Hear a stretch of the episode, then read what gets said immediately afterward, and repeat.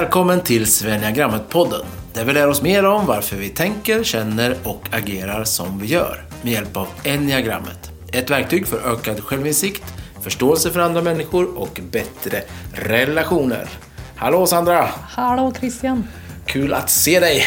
Välkommen till eh, poddstudion. I ditt vardagsrum. Exakt, mitt vardagsrum. Eh, Då kör vi ett nytt avsnitt då. Är du beredd på det? Jag är så redo som jag kan bli. Toppen. Avsnitt nummer 10 och det kommer handla om strategi. Nummer åtta, Jo, den kallar vi för Utmanaren. Utmanaren. Nu kör vi!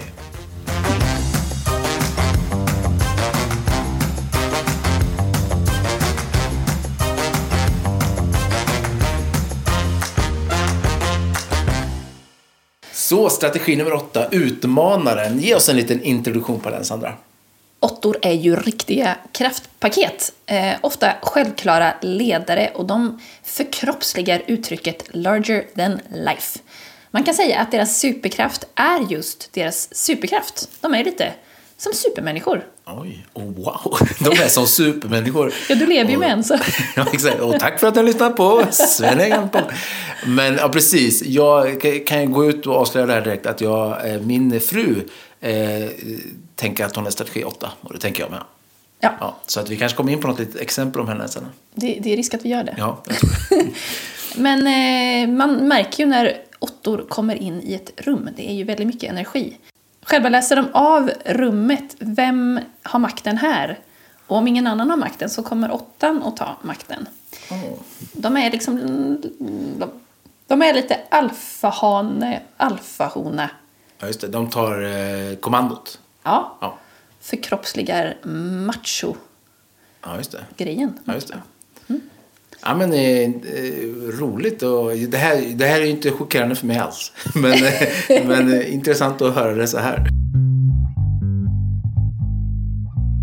Alltså typ så här, gå sin egen väg, de har inga problem att sticka ut, eh, ta kommandot, gå före. Ungefär så. Ja. Mm. Om åttan var en lukt, vad tror du? En lukt. Det här är det konstigaste segmentet som du har. En lukt från de här Gå olika från statuerna. helgon. Ja, men det måste ju vara något, eh, det måste ju vara något eh, rejält som sticker ut, som märks. Det kan ju inte vara liksom lavendel, utan det måste vara något lite mer... Eh, Bränt kött. Diesel. ja, precis vad jag skulle säga. Ja, Förlåt, avbröt jag din Nej, det var bränt kött och diesel. Jag såg att du hade det på tungan. Ja, men alltså två distinkta, tydliga dofter kan man säga. Ja. ja, men det är mycket styrka och genom sin eh, handlingskraft så skyddar de sig själva och döljer sin sårbarhet. Eh, Och den här energin som de kommer med, den är ju svår att ta miste på. Det är, åttorna är kanske en av de som är mest distinkta på enneagrammet. Ehm, De kan ju vara lite skrämmande och de skyr inte konflikt. Men de kan lätt bli missförstådda för under den här hårda ytan så är de ju ofta väldigt mjuka och vill väl. Just det. Eh, Och de avskyr orättvisor och de ser som sitt ansvar att skydda de som är svaga och ta dem under sina vingar och bana väg för dem. Så det är lite som en snöplog. Att eh, här kommer jag och ur vägen, men också jag är, ser till att de, de som kommer efter mig inte får det så tufft. Ja, Jag tar smällen åt Ja, dem. Ja. Och, och de eh, liksom banar väg för andra. Alltså så. Ja. Men eh, de åtta jag har då i min närhet, de är också ganska så här, eh, har ett högt, stort eh, rättvisepatos och så liksom att eh, göra, göra rätt på något sätt. Alltså att man, man vet vad som är rätt och fel och man villig att kämpa för det som är rätt. ja, Är det ett, är det ett utmärkande drag? Det är väldigt utmärkande och ofta har man eh, som åtta kanske nischat in sig lite på ett område som man känner extra mycket för. Det är viktigt att inte utnyttja den här välviljan och inte agera offer. Eh, då kommer åttan inte att ta det under sina eh, vingar eller helt... Speciellt om du utnyttjar dem så kommer de definitivt att putta dig långt bort. Eh, innerst inne så längtar åttan efter att själva få bli omhändertagna och slippa ta så stort ansvar. Jaha. Det låter som en paradox. Ja, de är ju väldigt starka och känner att de måste vara det, men de skulle ju också vilja bli omhändertagna ibland. Just det. Och det du sa där att de har kanske en ganska hård yta.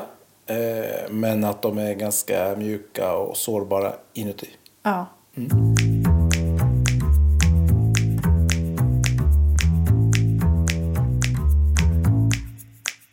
Jag har också förstått att åttor ganska ofta kan uttrycka sig på sätt som kan missförstås av dem runt omkring. Att de egentligen då vill vara den här snöplogen som gör vägen för de andra farbar.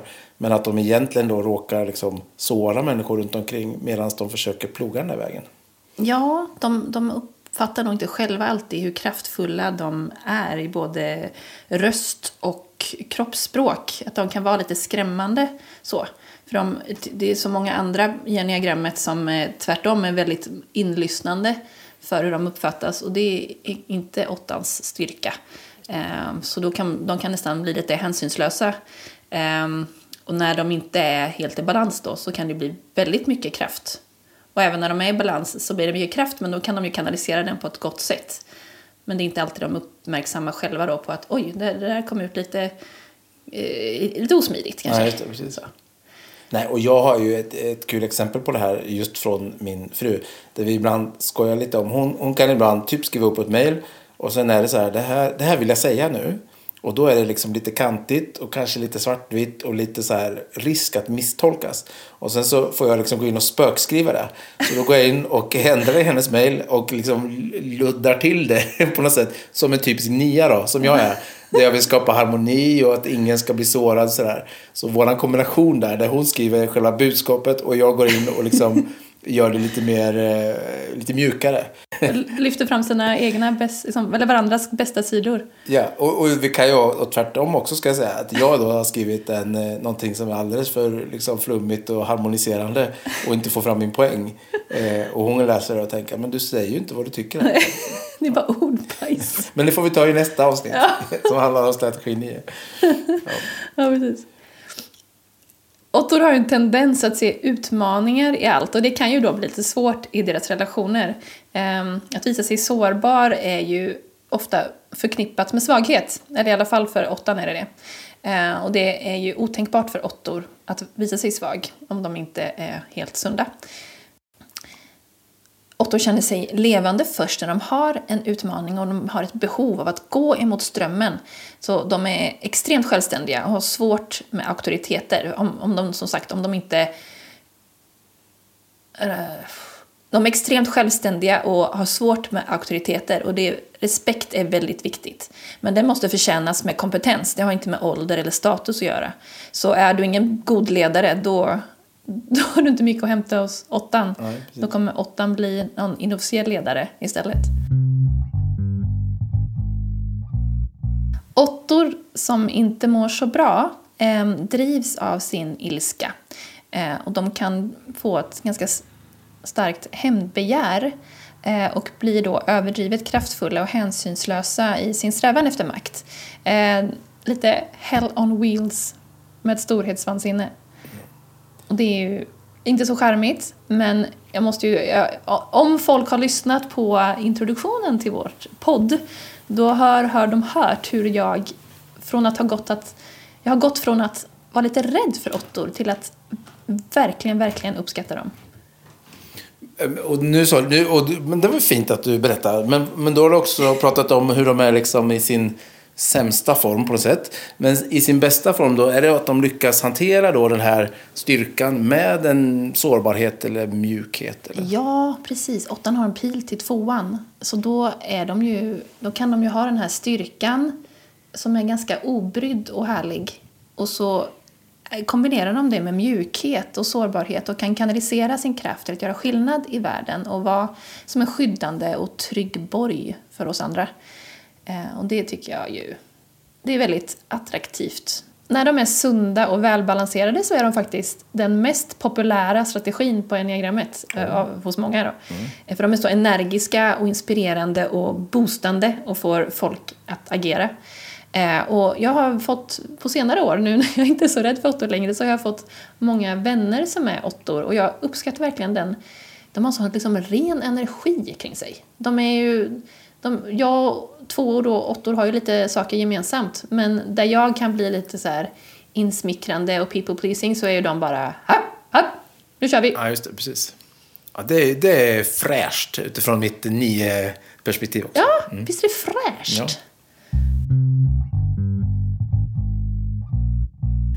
Eh, hur är det med kändisar då? Finns det några kändisar som vi tror har strategi 8? Och igen då, en liten disclaimer. Det här är lite gissningar. Ja. Pippi Långstrump. Pippi Långstrump, ja. Stark, tydlig, eh, går sin egen väg. Ja. Ja. Har du sett Grease? Ja, fast du vet det är ju väldigt länge sedan. Det är någon slags eh, tonårsdimma. Jag kommer inte ihåg det. Det finns ju ett tjejgäng där som heter Pink Ladies. Och så finns det en ledare till det här Mm. Ja. tjejgänget som heter Rizzo.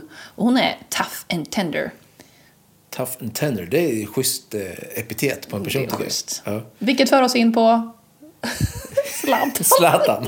är, han, är han så tender? Ja, det kanske han är. Ja. Han är säkert det med sin ja, familj. tydlig, går sin egen väg. Eh, ja, bryr sig inte så mycket om andra tycker. Nej. Men, men jag har också ett minne av att du sa några lite mer negativa exempel här på vårt introavsnitt om åttorna. Ja. Ja. Ja, men eh, ja. Vi säger dem fort bara. Jag säger dem fort. Ja. Donald Trump, Saddam Hussein, Nej, Fidel Castro. Fidel Castro. De, de går i en rätt riktning här. Ja, Eh, Winston Churchill, Martin Luther King och Angela Merkel. just det. Ja, Ja, men- men, personer som har gjort stora avtryck i historien är det här mycket. Det är ju Ja, spännande. men precis. Det är liksom bara åttor som vågar revolutionera ett helt land. Moder Teresa kan vi ju inte hoppa över här, Nej, för hon är ju kanske den allra bästa åttan som jag kan komma på. Mm. Som har ju det här med att eh, verkligen vara kraftfull och stark och mjuk samtidigt. Eh, och när vi pratar här om de andra stora namnen, det är ju liksom bara åttor som vågar revolutionera och ta sig an ett helt land. Eh, och kan även ta hand om de svaga utan att själva gå under. De har en sund känslomässig distans.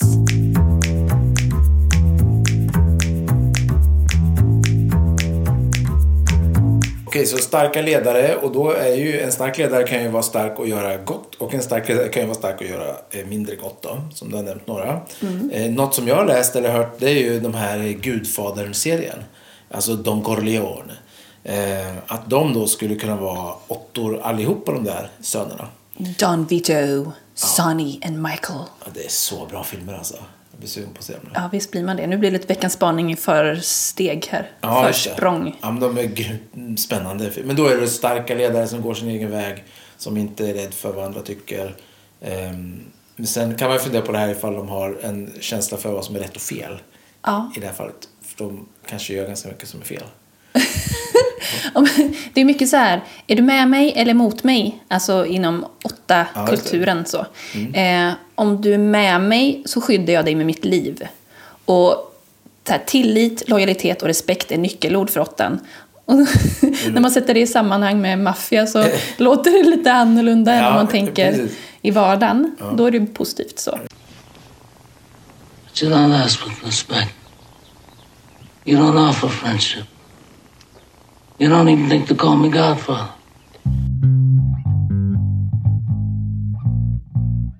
Jaha, det Sandra. Då har vi kollat lite introduktion, vi har kollat lite på kändisar och nu kommer vi till... Länder! Länder! Oj, oj, oj, vad spännande. Ja. Eh, nu är jag superintresserad av att höra. Vilket land kan man förknippa strategi 8 med? En, ser du en machoman framför dig? Vad säger du, Nacho Man? lite Zorro, lite Spanien. Ja, Spanien. Ja, alltså ja. Ja, ja. Jag ser det framför mig. Du ser machomannen. Ja. Eh, Ser, ser du Ryssland framför dig? Eh, ja. ja, men det kan man väl Lite, göra. Alltså nu Ju- kom vi in på ja. Nej, förlåt. Just nu när du säger Ryssland och man, då tänker jag på eh, konstiga såna här YouTube-filmer för Russian fails och sånt. Och det kanske inte är riktigt helt rätt, men, men ändå det här, lite känslan av att man, eh, man, eh, man premierar liksom det som traditionellt har sett som manligt. Liksom. Styrka och kraft och eh, skrikande. är min fördom. Det är din fördom. Vi är in på djur direkt nu, för då säger jag björn. Åh, den ryska björnen. Den ryska björnen. Ja. Lite rå energi. Ja. Och med Spanien, en tjur. Oh. Så det här, just det här är då sammankopplat land och djur. Ja, vi avancerar. Otroligt. Tjur, björn, Spanien, Ryssland. Se starkt. Ja, men det, jag ser de här djuren och länderna, it, it makes sense. It makes sense. Till en doft av diesel. Och bränt kött. i enneagrammet är ju drivkraften kanske det man utgår från och det viktigaste att titta på. Vad har jag för drivkraft i mig? Varför agerar jag på det här sättet? Och vad är det för drivkraft och för mekanismer som ligger bakom strategi 8? Åttan känner att den måste vara stark och ha kontroll och beskydda sig själv och andra eh, genom att hålla sin gard uppe. Eh, och det finns en grundrädsla att vara svag och sårbar för då är det ju risk att man blir sviken eller kontrollerad, manipulerad eller så. Av, förnedrad av andra, beroende av andra. Och det vill man absolut inte bli. Så vara stark och ha kontroll, det är liksom det som driver. Och då rädslan är att vara svag och visa sig sårbar för man tror att det är, eh, vad ska man säga, att det är dåligt negativt då. Ja, sen man var liten så har man ju en eh, inneboende övertygelse om att jag kan inte lita på någon. Jag måste se till att ta övertaget och ta för mig av livet. Och det måste ju inte vara så att alla attor har haft en dålig barndom. Men ofta så har åttan som en tidig ålder liksom en, förlorade tidigt sin liksom, barnsliga oskuldsfullhet. Mm. Eh, och kände att de behövde bli vuxna tidigt. Ja.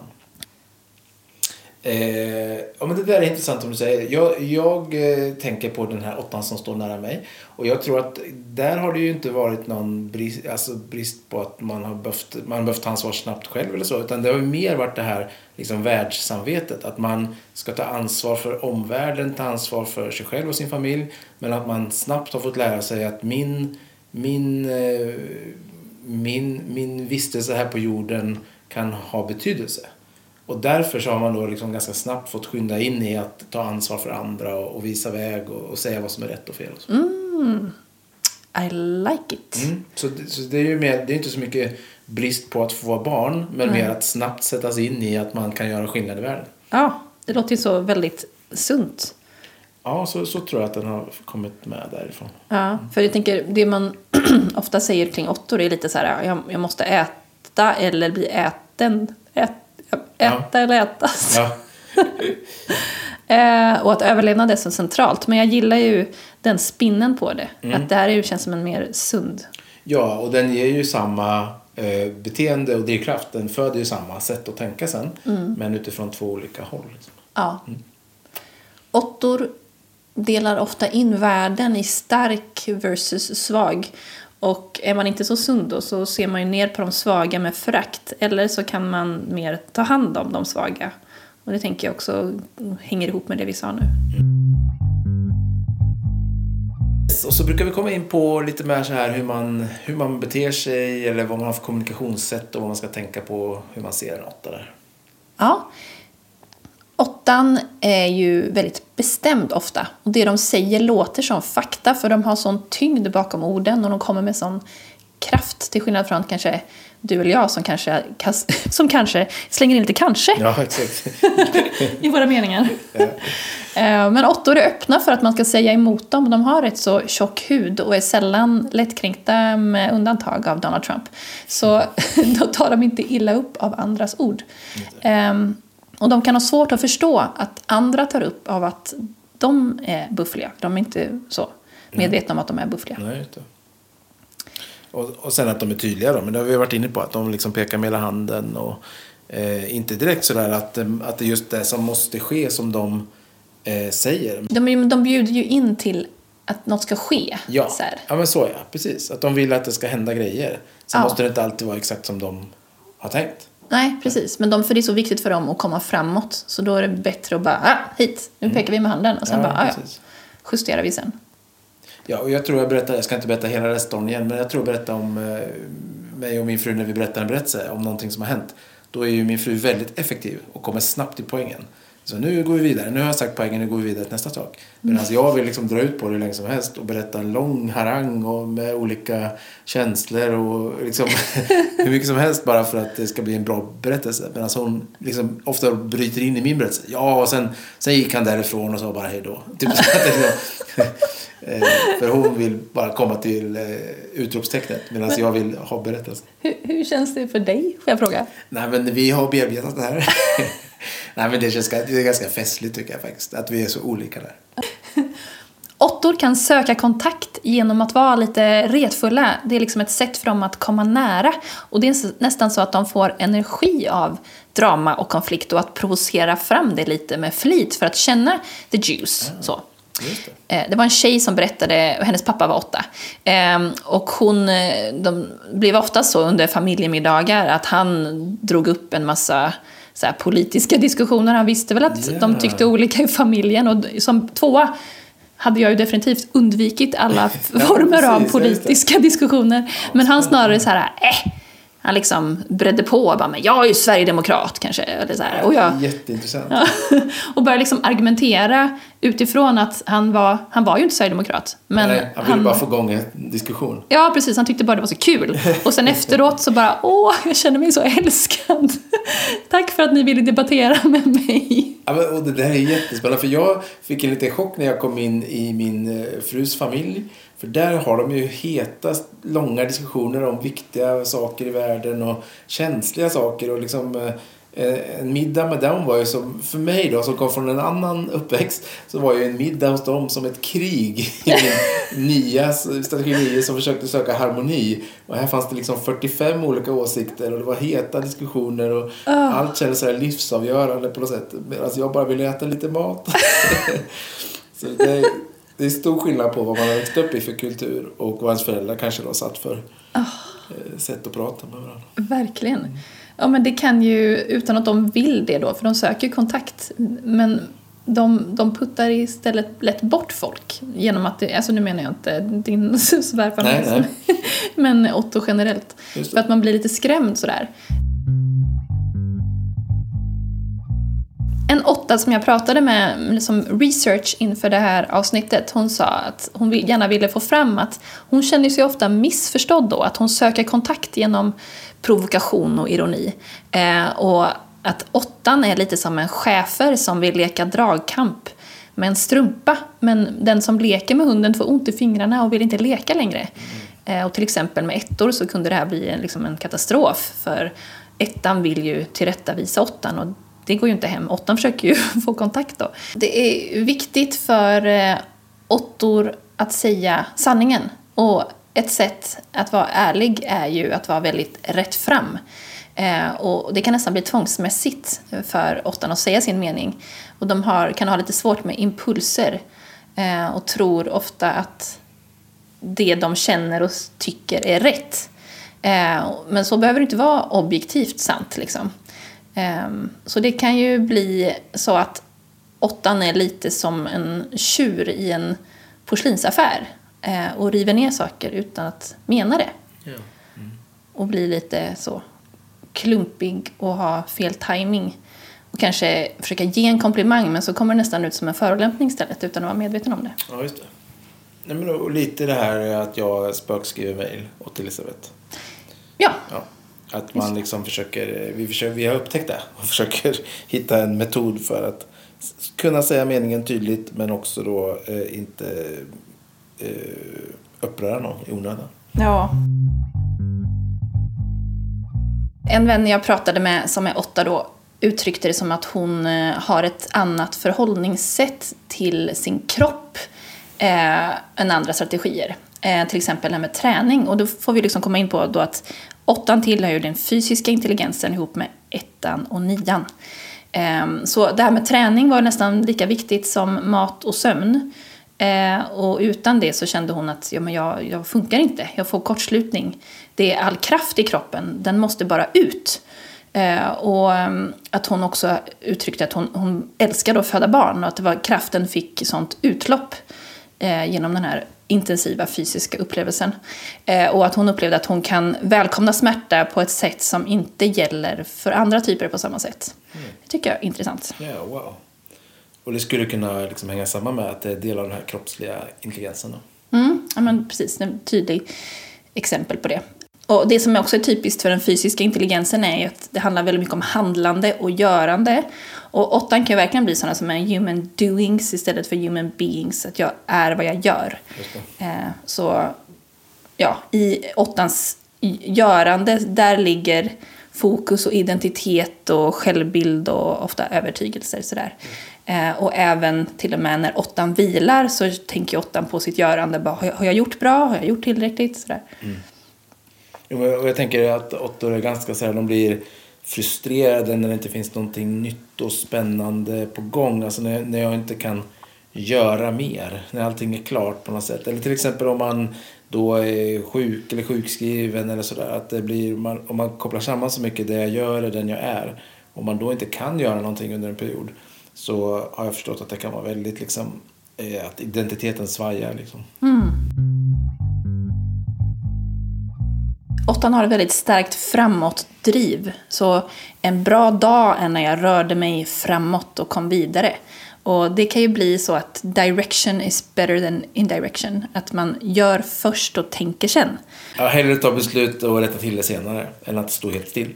Ja, precis. Eh, Eh, så åttan kan ju bli väldigt frustrerad på människor som är lite långsammare och som velar och sådär, har svårt att fatta beslut. Eh, och, och uttrycker det som att eh, när saker står still, det är det värsta jag vet. Ehm. Ja, men det här är ju superspännande. Nu tänker jag igen på mig och min fru här. Vi får ha något fördjupningsavsnitt om Jag tror våra... det. Ja, för just det här liksom svårt att ta beslut och svårt att liksom komma till skott. Även i de minsta, minsta små besluten. Liksom, ska vi köpa lättmjölk eller mellanmjölk? Eller ska vi flytta till Australien eller till, eh, till Sverige? Alltså, alla de besluten tar ju lång tid för mig att processa. Och sen, eh, men medan min fru då, som åtta, eh, vill ju ta snabba beslut och sen bara plötsligt händer det och sen så kör vi liksom. Nu är vi på väg någonstans. Och det räcker gott liksom. jag, jag hörde just kombinationen 8 och 9, det är som en, så här, en superurkraft som möter ett immobilt objekt. Ja, jag vill inte säga vem som är vem här, men jag hör vad du säger. Vi kommer till nion sen och ger er rättelse. Precis, jag får reda ut det här i nästa avsnitt. Ja.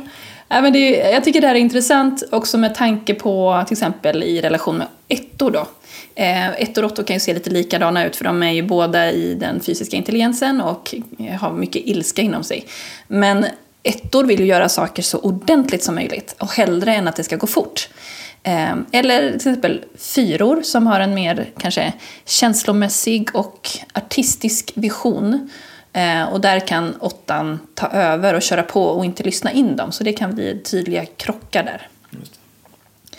Åttan är mycket mer på örnen och svävar än nere på detaljnivå. Eh, och då kan det bli lite på bekostnad av att saker blir slarviga. Just det. Ja, men, ja, precis. Man ser liksom the, the big picture och då är detaljerna lite, inte helt det viktigaste om man säger. Nej.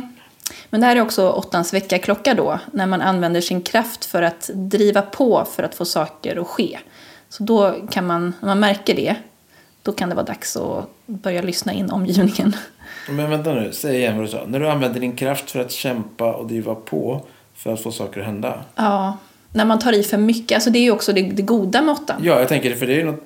Det är- ja, det är väldigt mina öron låter det ganska positivt. Ja, speciellt som nia. Ja, Jag behöver jobba med det. Ja. Men, men åttan är ju på något sätt, kör alltid 110.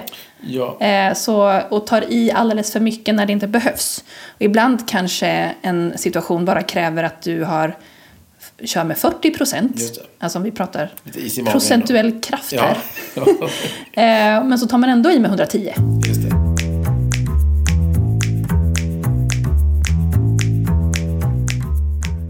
Jag gillar ju det här med åttor att de är ganska okomplicerade. Det är mycket raka rör. Och de blandar inte in så krångliga känslor. Till exempel skam. Nej. Ja, det är en krånglig känsla. Ja. Den har ju en funktion av att vi ska rätta in oss i ledet. Eh, så den, är ju, den kan ju vara bra. Men eh, det är ju åttan helt ointresserad av. Att vara en i mängden på det sättet. Ja, det var, det var Och bli fint kontrollerad. Sagt, att skam har en funktion av att rätta in oss i ledet. Mm. Det är klart, det har den. Det är sånt jag tänkt innan. Nej. Så har Det man ingen... Nej, om inte åttan har något intresse av det så... Nej, har man ingen skam alls, då blir man ju väldigt hänsynslös Ja, i sin osunda form. ja. Men det kan ju också vara någonting skönt med att någon person... Ja, men så det här med liksom en ren energi på något sätt. Det blir lite cleant. Liksom. Ja, men, du behöver inte ha skam, jag behöver inte ha skam. Vi kör på. ja, ja precis. Ett, jag tror det är vanligt konfliktområde för åttor i sina relationer det är att de har diskussioner på en helt annan nivå än sin motpart. Eh, åttan har ju fokus på vad som hände och vilka praktiska resultat det gav och vart man liksom, bara rent faktiskt, vart är vi på väg. Eh, men de blandar inte så mycket in känslor och moral och värderingar och skam som andra gör. Ja, just det. Ja, precis. Så vad, vad, vad blev det resultatet av det här vi handlade? Inte hur, hur kändes det? Nej, och då kanske motparten så här, men oj, alla de här nivåerna. Så här, ja, men kan vi, åttan vill liksom föra tillbaka det till, kan vi prata om det här? Mm. Vi pratar faktiskt om den här endimensionella Ja, grejen. precis. Och då kan ju båda behöva lyssna in varandra, tänker jag. Och för mig då, eh, utifrån mitt perspektiv, så blir det här att eh, känslor inte är så primärt viktigt eh, och lite svårt att uttrycka för åttor. Eh, Att, eh, för där tänker jag, det är där äktheten ligger. Så när du säger liksom att ja, men åttor är äkta och de säger som det är så. Då är det, det blir en liten krock i mig där. För jag tänker att känslan är ju det äktaste vi har.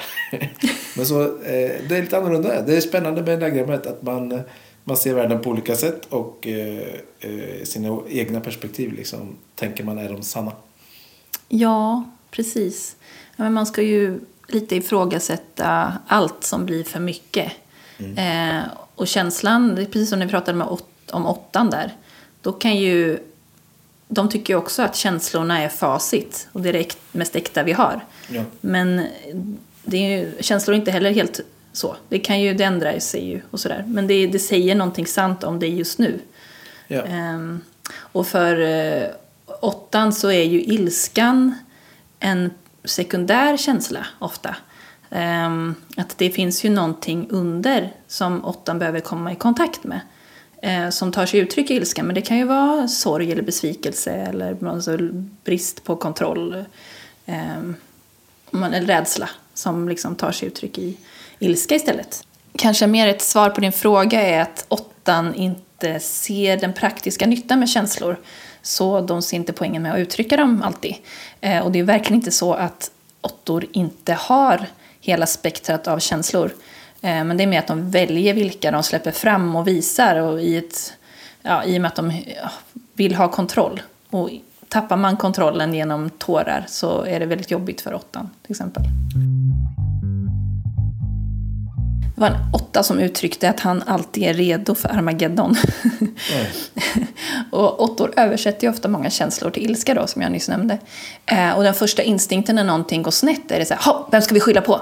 Är du med mig eller mot mig? Så här, vi och de-tänket som vi pratade om där med maffia och så. Ehm, och det är mycket kropp först och sen tanke och så kommer känslorna sist. Ja, jag tänker på det här med ilska eh, också. Det är ju, jag tänker att den ganska ofta används som lite det här Sara Parkman vi pratade om för några avsnitt sedan. Och också att det blir som en slags eh, energi till handling. Inte att man går runt och kokar av att man är arg och ilsken och tvär. Utan mer att det blir en slags ja, men energibas för att det ska hända någonting och förändring. Mm. ilskan i sitt bästa form. Något som är utmärkande för åttan är den här liksom lusten och passionen och den intensiva energin. Ehm, det är lite som att åttan är glupsk på livet och ser till att ta för sig. Ehm, och, och själva kan de nog se den här intensiteten som att de vaskar guld. De, de söker djup och hatar allt som är fejk. Ehm, och hettan är liksom själva vägen dit för att komma till guldet. Eh, andra människor omkring kanske bara känner av hettan och blir brända. Och ibland kan det nog också vara så att hettan är själva målet, för de, det kan ju vara så som vi nämnde att de, de gillar att säga något chockerande eller något provoka, provokativt sådär för att se vad som händer. Eh, och tar i lite mer än vad som behövs. Så. Jag såg förresten någon grej på Instagram med en kille som allt han gjorde gjorde han med så väldigt kraftfullt kroppsspråk. Eh, att han liksom kastade sig ner för trappor och sen så gick han helt normalt i korridoren liksom. Eller när han låg i sängen så bara kastade han sig ur sängen eller slängde av sig kläderna och så här. Eh, och drack jättehäftigt. och i övrigt var han helt lugn. Och, och det var någon som hade gjort en kommentar till det. Jag bara, åh, exakt så här är alla åttor i min familj. Så här rör de sig. det är som ett kropp, aggressivt kroppsspråk. Ehm, Ja, så åttan kan ju uppfattas som risktagare och väldigt så orädd. Ja. Ehm, och tycker att kaos är kul. För det är där jag blir kreativ. This is where I shine. Um, de älskar utmaningen att skapa ordning av något kaotiskt. För då får man använda hela sitt register för att lösa den här situationen. Och kan, de kan till och med bli lugna i kaos. Mm. Um, och de känner att tillit byggs när andra vågar möta dem i den intensiteten och utmana dem tillbaka. Och det är kanske inte är så att man måste matcha deras energi men att man visar att man inte är rädd för den här kraftfullheten. tänker på en kanto igen där. Eh, Louisa, systern till Mirabelle, som sjunger den här sången under ytan. Ja. Jag är stark så, in i Norden Jag står stadig och stentuff på jorden Jag kan lyfta själva bergen. Jag är gränslös stolt in i bergen. Inga sysslor är för hårda. Har ett värde och det vill jag vårda. Jag plattar till diamant om du vill. Jag allt som du ger mig, det bräcks om du ber mig. Men under ytan kan jag gravera av trycket när jag måste balansera? Jag under ytan, som Herakles har Jag älskar ju det här med åttan, att de är såna hemliga softisar. Eh, och att de är väldigt beskyddande av människor som är innanför deras cirkel. Eh, och något som är väldigt fint med åttan är ju att de vill hjälpa oss som är omkring att hitta vår egen röst och också bli starka. Så alltså de utmanar oss lite för att vi ska ta nya steg. Sådär. Mm. Men det kan i, om man bara vill bli hörd, man har varit med om någonting jobbigt och bara vill att de ska lyssna på en, så kan det vara lite jobbigt att få dem, liksom svårt att bara få dem att lyssna. De vill ju veta, ja, men vad händer nu då? Vad ska du göra eller vad ska jag göra? Ja, just det. Sådär. De har svårt att bara lyssna för att liksom eh, vara lyssnare. Ja, precis. De har ett råd, ja, men då går det att göra så här då. Ja. Så kommer det lösa sig. Ja, precis. Eh, och, och, de kan ju bli väldigt arga å andras vägnar. När liksom, till exempel om man har det jobbigt på jobbet, om man har en chef som är jobbig och man kommer hem varje dag och bara ah, nu gjorde han så här eller hon gjorde så där. Och åttan bara ah, jag står inte ut med att lyssna på det här. Jag klarar inte av att du blir behandlad på det här sättet. Så, här, så antingen så tar du dig ur den situationen eller så slutar du prata med mig om det Ja, här. just det. Ja, men... För jag vill inte höra på det här längre. Och då kan ju partnern känna sig påhoppad och utskälld. Fast åttans ilska egentligen gällde en annan person. Så. Ja, men precis. Jag hörde om en familj där pappan var åtta och när barnen var jobbiga på ett sätt som gick ut över mamman. Det behöver inte vara något liksom jättestort men bara kids being kids. Eh, men det var lite jobbigt för mamman och då kunde pappan bli väldigt arg på barnen och mammans vägnar. Och de, jag vet inte, han kanske höjde rösten för mycket, liksom på något sätt liksom tog i lite. Eh, och då ville ju mamman gå in och försvara barnen mot pappan. Men så blev det en intern konflikt mellan mamman och pappan. Fast från början så var ju pappan på mammans sida och försökte liksom beskydda Ja. henne inför barnen. Så blir det en så här jobbig cirkel. Ja, knepig. så pappan försökte försvara mamman och sen gick mamman in och försvarade barnen Ja, mot pappan. ja precis. Du, du berättade också lite det här om att eh, åttor har svårt med auktoriteter. Mm. Eh, har du något mer att säga om det? Åttor kan uppfattas som kontrollerande men det är snarare så att de inte själva vill bli kontrollerade. Så då tar de kommandot först. Eh, Däremot så vill de gärna kontrollera situationen och resultatet, inte människor. En åtta sa, jag, jag önskar att folk förstod att bakom mitt kontrollbehov och behov av att vara i opposition så finns det ett behov av att andra också ska kämpa för mig. Eh, Ja. och jag är aggressiv för att jag är rädd att någon ska vända min sårbarhet mot mig. Så jag kontrollerar så att jag inte blir kontrollerad.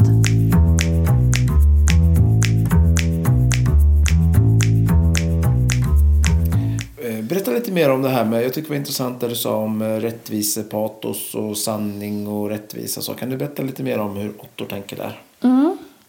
Det tar sig uttryck både i det stora och det lilla. Och ibland kan det vara lite väl enkelriktat. Eh, om att det bara är så här, ah, vem fick mest godis i skålen? Typ. Men det kan ju även gälla rättvisa på rent strukturella plan. Eh, med, ja, som klimatförändringar eller klädkonsumtion och sådär. Eh, och en åtta jag pratade med sa att hon eh, ser orättvisor i allt jag gör Eh, och jag känner alltid att det finns mer att göra och jag borde jobba hårdare. Eh, hon hade varit svårt för henne att liksom landa i nåden. Eh, för att känslan av att, själv, att hon måste ha, ta ansvar var så stark. Eh, jag har så höga krav på mig själv att vara stark och stå upp mot orättvisor. Så att det var liksom, hon var kristen då, så det, hon tyckte det var lätt att tänka att det var Gud som har höga krav på henne och inte vill att hon skulle vara svag. Men egentligen så är det ju tvärtom. Just det.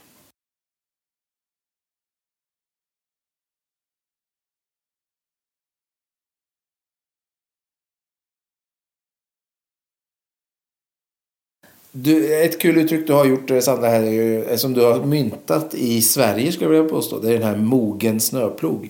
Som du berättade om att åttan kan uppfattas som eh, i första avsnittet när vi pratade om dem. Eh, men eh, då är det ju att de liksom hjälper andra på vägen framåt på något sätt. Eh, är det så åttor uppfattas eller finns det andra sätt också att de kan uppfattas mer, eh, vad ska man säga, burdusa? Ja, det kan finnas en nidbild av åttan som någon mobbare. Liksom. Men jag tänker också att det kan tvärtom vara så att åttan ofta är den som står upp mot mobbaren. Eh, många mobbare känner ju att de måste vara starka och hävda sig. Men åttan vet att den är stark och behöver egentligen inte visa någonting. Eh, och eh, är väldigt mån om att lyfta upp den som är underdog. Så. Ja, men det är ju intressant. Man tänker en mobbare är ju en person som eh, är svag själv och därför måste trycka ner andra. Eh, Och en åtta då här eh, vet att den är stark. Det är ju intressant. Så de behöver inte göra det. Nej, de är bara självklara. Ja. Sen kan det ju säkert finnas åttor som är mobbare, inte så. Ja. Mm. Men vi behöver kanske inte blåsa på den nidbilden. Nej, nej. Men däremot så är det ju det här med hämnd är ju tyvärr ett vanligt tema för en osund åtta. Eh, att de kan bli så besatta av rättvisa och, att de känner sig lätt felaktigt behandlade. Jag som tvåa har ju väldigt lätt för utmattning eh, och är ju väldigt eh, uppmärksam på mina egna signaler för när det börjar ticka iväg för mig. Så. Eh, åttor är lite tvärtom. De blir väldigt förvånade när det sker. De kan ju också gå in i väggen för de är ju riktiga arbetsmyror. Eh, och, men har ju den här självbilden av att jag är så stark. Ehm, och så plötsligt så går de in i väggen och bara oj vad var det som hände? Och de, då kan de, det kan ha gått så långt att det blir riktigt djupt för dem. De har liksom missat alla varningssignaler tills det blir väldigt påtagligt. Eh, för att de inte vill kännas vid sin sårbarhet. Ibland eh, pratar du om något som kallas för motstrategi. Vad är det och vad är strategi nummer åttas motstrategi? Ja, det är ju de här eh, instinkterna då som vi ska prata om i säsong två. Eh, och att det finns tre varianter av varje strategi. Och en av dem ser inte ut som de andra gör. Och därför tar vi upp den. Eh, och i för åttan så är det den sociala åttan. Och det handlar inte om att de är så mycket mer sociala än alla andra. Utan de relaterar till gruppen på ett annat sätt än vad de andra åttorna gör. Eh, och i och med då att åttan som regel kan vara lite icke-lyhörd och burdus så är den sociala åttan då mer inlyssnande för gruppen och för andra människor. Eh, mjukare och kan se mer ut som en tvåa eller nia. Ja. Väldigt lojal och vänlig, men kan bli en rebell när det kommer till orättvisor och utmanar gärna sociala normer. Försvarsmekanism. Vad är åttans försvarsmekanism? Då kommer vi till något så härligt som objektifiering. Åh, det låter inte riktigt bra. Inte jättehärligt.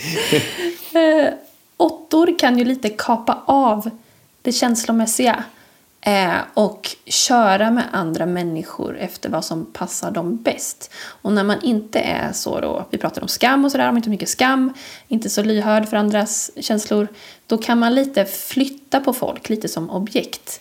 Ehm, till exempel om man är chef och man har en anställd som man inte helt anser håller måttet och kanske med andra ord är svag i åttans ögon. Då flyttar man på den utan att riktigt ta hänsyn till hur blir det här för den här personen. Och vi brukar också gå in och prata lite om pilar. Eh, om en stresspunkt eller stresspil och en stödpunkt eller stödpil. Eh, åttan går i stress omedvetet till de lägre sidorna av femman. Eh, och det blir då att åttan drar sig undan och blir mer reserverad och isolerar sig och observerar på avstånd.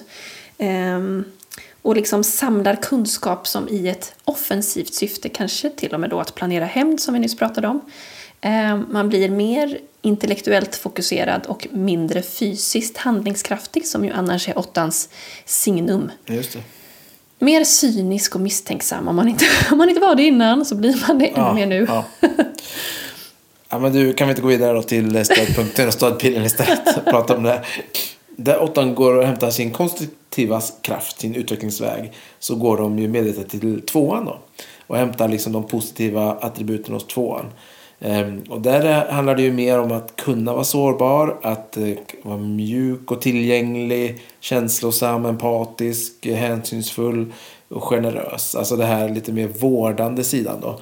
Eh, som är det mest positiva från tvåan. Så det är ju spännande att man kan se det här hos en hälsosam åtta. Verkligen. Alltså, jag är glad att det var du som sa de sakerna. Ja, för du är ju, ja precis. Alla de här, du bara, jag såg hur du liksom vart rakare och rakare i ryggen. Och, ja, det här är jag, det här är tvåan.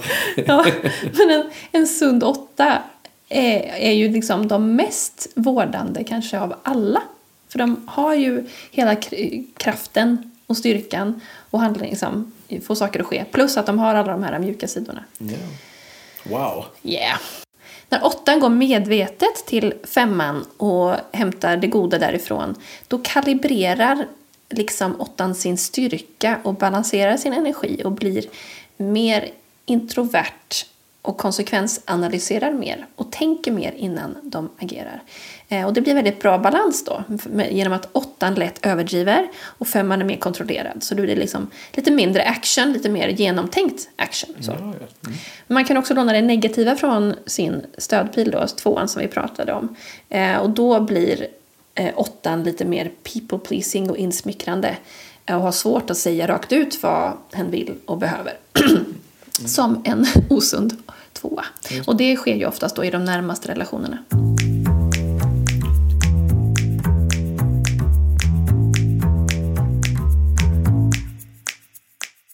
Eh, och då har vi kommit in i den punkten där vi pratar om hur andra kan relatera till åttan. Konfrontation är ju då ett slags kärleksspråk. Det betyder att åttan bryr sig, annars så hade åttan inte tagit upp de här sakerna. Eh, Så det är liksom ett sätt för att komma vidare så att vi kan ha det bra igen. Och, ja, om man kan försöka ha det i åtanke så blir det lite lättare att förhålla sig till, till åttan och den här eh, tsunamin av styrka som ofta väller över en. Så. Ehm, och man kan försöka då bemöta deras känsla med att eh, lite så här påminna dem om att kan det vara så här att din ilska nu är en täckmantel för en annan känsla? Om man kan säga det på ett bra sätt så det inte blir så här äh, lite klappa på huvudet just utan att ja, bekräfta liksom känslan och hålla på ett empatiskt vis ge utrymme för att åttan får, eh, ja jo men jag är faktiskt ledsen över det här. Liksom. Men det här sårade mig, vad det nu kan handla om. Ehm, Så man behöver inte säga liksom så här, men du borde känna så här istället. Nej, Kom med dina tårar. Det är nog inte helt uppskattat. uppskattat. Utmana gärna vad åttan säger, men inte deras intention. Det brukar inte landa väl. Eh, en annan sak är ju att åttan verkligen värdesätter lojalitet och ärlighet väldigt, väldigt högt. Så håll inte undan någonting för åttan. Eh, åttan gillar ju inte heller skvaller och skitsnack, så säg heller direkt vad du tycker och, och sådär till den personen det gäller. Eh, och när de är upprörda så försök fokusera på deras budskap. Lyssna mer på orden än på kroppsspråket och röstläget för då finns det faktiskt en chans till dialog. Det är väldigt lätt att man hakar upp sig på att det blir själva kommunikationsformen som blir ett gräl. Och att man tappar bort vad var det vi bråkade om från början. Så här, vad, är, ja, vad är kärnan här? Det. Eh, en annan sak är att när, om du har gjort någonting fel, precis, jag tror vi pratade om det här med ettan också, men när man erkänner att man har gjort någonting fel, då, då avmaskeras, eller vad heter det? Då avdramatiseras den här stora ilskan som kommer från ettan eller åttan. Att man, man går ifrån att jag är emot dig till att Ja. jag vill beskydda dig. Och då är åttan din bästa försvarare. Ja. Ja. Och det är så otroligt fint med åttan. Ja, men bra tips här, eh, saker att tänka på när man relaterar till åttan. Jag tyckte det var fint där du sa om att konfrontation är ett kärleksspråk för åttan. Eh, och här då, i egna upplevelser av detta, eh, är ju intressant då att jag som nia, eh, som eh, lever ihop med en åtta, eh, där då hon ibland konfronterar någonting och då är det ju lätt för mig att se det som ett hot. Ja, men nu tappar vi harmonin här. Mm. För det är den jag söker medan hon söker liksom en lösning på någonting. Eh, så det där är fint, det är fint och lite knepigt ju förstås. Vi närmar oss avslutningen här och då brukar vi prata lite om utvecklingsvägar. Vad finns det för sätt som åttor kan utvecklas och vad ska de tänka på Sandra? Mm. Åttan kan tänka på att inte alltid vara den som tar till orda först. För då tystnar lätt diskussionen. För alla andra ja, vågar inte säga emot. Den blir, det blir mycket så här, här kom åttan och där tog det slut. Ja. Åttan får öva lite på att pausa eh, och tona ner sina impulser att agera direkt. Eh, och ge, det ger rum för andra att också komma fram. Ehm, och åttan kan också behöva öva på sin empatiska förmåga att bara lyssna. Eh, och ibland är det ju jättebra att åttan utmanar kanske någon som ser sig som ett offer som inte behöver vara kvar i något som är destruktivt och behöver lyfta blicken. Men ibland är inte det den bästa vägen till målet eh, att konfrontera utan att bara finnas där och lyssna, att det är nog. Tänk efter hur du ska uttrycka dig så att den andra kan ta emot det som du vill förmedla. Eh, och tänka så, hur, hur påverkar det här andra när jag säger eller gör så här? Ja, just det. Och sen, och sen har du varit inne på det här med att man ska hushålla med sin energi. Man kan, man kan inte gå in 100% i precis alla liksom, kamper utan att man, eh, man har inte obegränsat med kraft även om man tror det som åtta. Då. Nej, ja, men exakt. Och det gäller ju på alla livets områden. Eh, och åttan har ju en a need to go against, säger Richard Rohr. Men man kan tä- tänka på hur kan jag mer röra mig toward istället för against. Så på svenska blir det mot och mot, men Ja, ja. säger man på engelska så låter det bättre. Ja, ja, men jag förstår vad du menar. Det, det är två olika mot, som man säger. Ja, precis. Eh, åttan behöver ju också liksom känna inåt, hur mår jag egentligen? Och hitta saker som får åttan att slappna av eftersom man hela tiden är liksom på spänn och väntar på någon slags hot, mer eller mindre medvetet. Eh, så ja, hitta sina vägar för att kanalisera den här kraften. Och ja, våga visa sig sårbar och känna alla sina känslor. Öva sig på att uttrycka sina känslor, kanske genom att skriva dagbok så att man får ner det på pränt. Och även sätta ord på uppmuntran till andra. Ja, fint. Oh, jag känner att åttor är fantastiska och eh, jag vill eh, avsluta här med att liksom hylla dem lite grann. Eh, just för deras styrka, att de eh, eh, plogar upp vägen för oss andra, att de eh, vad ska man säga, går emot orättvisor, att de står upp för, för människor runt omkring dem. Och jag känner så stor ömhet för åttor. Och jag är lite ledsen över att de ofta blir missförstådda för jag tycker de är så fantastiska människor. Och de har en sån härlig mjuk styrka och de är så heroiska på något sätt. Eh, och väldigt som trygga klippor när de är som bäst. Eh, och, och så fantastiskt civilkurage och beskyddande av svaga.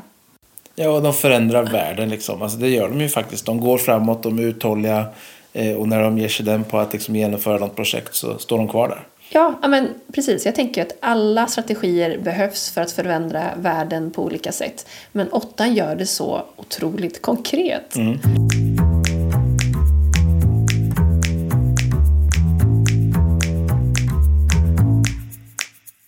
Ja, dags för veckans spaning! Veckans spaning, veckans spaning! Och du Sandra, du har hittat två stycken karaktärer som du vill eh, snickesnacka lite om. Ja, och båda kommer från actionfyllda science fiction-filmer.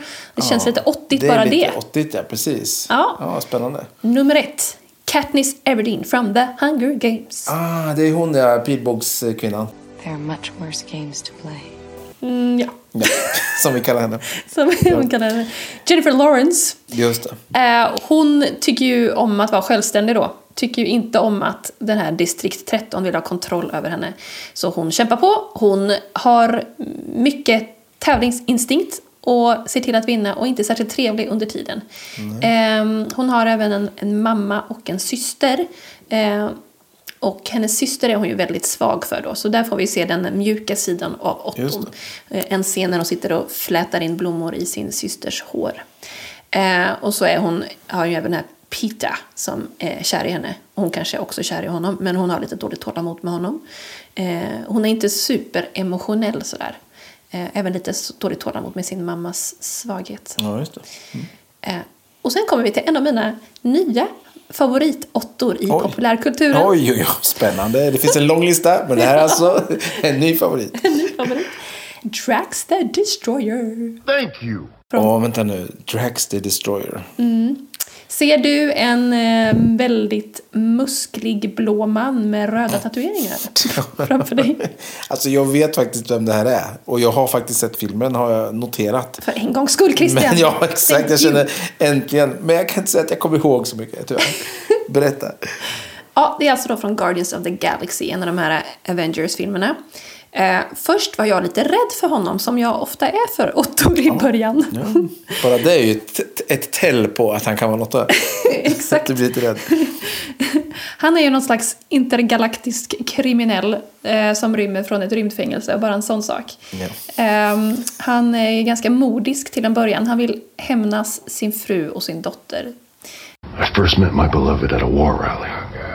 Everyone in the village flailed about, dancing, except one woman, my Ovette. I knew immediately she was the one for me. The most melodic song in the world could be playing. She wouldn't even tap her foot, wouldn't move a muscle. One might assume she was dead. Och det förstår man ju då att det, det kan man vilja göra. Ja. Eh, och, men ja, hans karaktär utvecklas. Eh, och något av det roligaste med honom tycker jag är den här, åttan går i, i pilen till femman på ett bra sätt och spottar ur sig en massa roliga ord. Ja. Han blir kallad för ett vandrande ord, Ordbok. Ja, men det, där, det kommer jag ihåg. Han pratar på ett väldigt kul sätt. Liksom. Han ser ut som ett stort eh, monster. Liksom. Ja. Och sen så pratar han väldigt korrekt eh, engelska. Ja, han skulle kunna vara en grottmänniska men han är istället så här super... inte, Han låter Verbal. In, ja, verbal, intellektuellt verbal. Eh, han har väldigt fysiska reaktioner till allting. Eh, vid ett tillfälle så eh, bråkar de med ett stort rymdmonster och han bara tvekar inte att hoppa in i gapet med två knivar i händerna och dödar den inifrån och kommer ut och är helt så här täckt av rymdgalla. Och när det är som mest kaotiskt så bara sitter han och gapskrattar. bara, allt han gör är bara roligt. Eh, och sen så här jätteklumpig social, han har inget filter. Och så finns det en karaktär som heter Mantis som är så här jättesöt och väldigt sympatisk. Och han bara, och du är så ful. Så här, jag, jag är så, så här, kom inte nära mig typ. Ja, Han har andra preferenser om man säger så. ja som men man har i rymden. Han, har sin egen, han, han går sin egen väg och säger det han själv vill.